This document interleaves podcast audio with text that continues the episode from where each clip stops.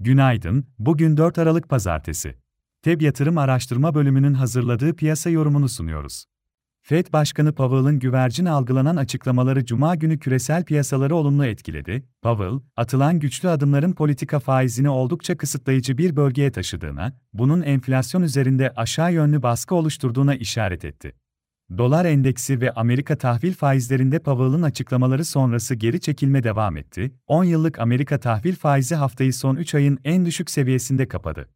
Cuma günü S&P 500 endeksi %0.59, Nasdaq endeksi %0.55 yükseldi. Avrupa borsaları haftayı pozitif tarafta tamamladı. Yurt dışı borsalar yeni haftaya ise karışık seyirle başlıyor. Amerika endeksleri haftaya başlarken vadeli tarafta yatay seyrediyor, Asya borsaları Japonya dışında hafif alışlarla açıldı, Avrupa borsalarının haftaya hafif yukarıda başlaması bekleniyor.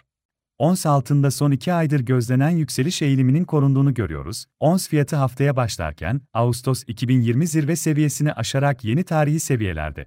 OPEC Plus üretim kesintisi kararının yetersiz bulunması sonrasında petrol fiyatlarında gevşeme devam ediyor. Amerika'da bu haftanın kritik verisi, Cuma günü açıklanacak tarım dışı istihdam rakamları olacak. Bunun öncesinde hafta başında fabrika siparişleri verisi açıklanacak. Avrupa tarafında bugün yatırımcı güven endeksi ve Avrupa Merkez Bankası Başkanı Lagarde'ın konuşması bulunuyor. İçeride enflasyon rakamları takip edilecek. Borsa İstanbul ise geçtiğimiz haftayı olumlu tarafta tamamladı.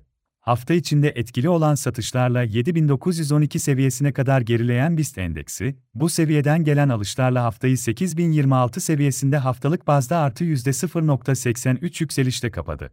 Cuma günü endeks artı %0.98 yükseldi. Yeni haftaya da Borsa İstanbul'un olumlu tarafta başlamasını öngörüyoruz. Endekste 8000 seviyesindeki desteğinin kuvvetlenmesi, teknik bazda son bir aydır etkili olan yükselen hareketin yeni bir momentum kazanmasını sağlayacaktır.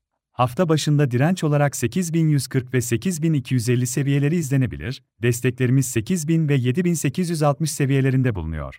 Hisse tarafında ise bankacılık endeksinde Akbank ve İş Bankası C'de yukarı momentumun korunduğunu görüyoruz.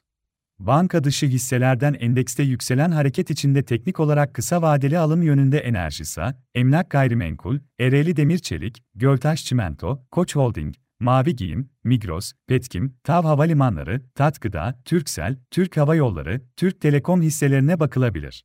Piyasaları değerlendirmeye devam edeceğiz. FEB yatırım olarak herkese iyi bir gün dileriz.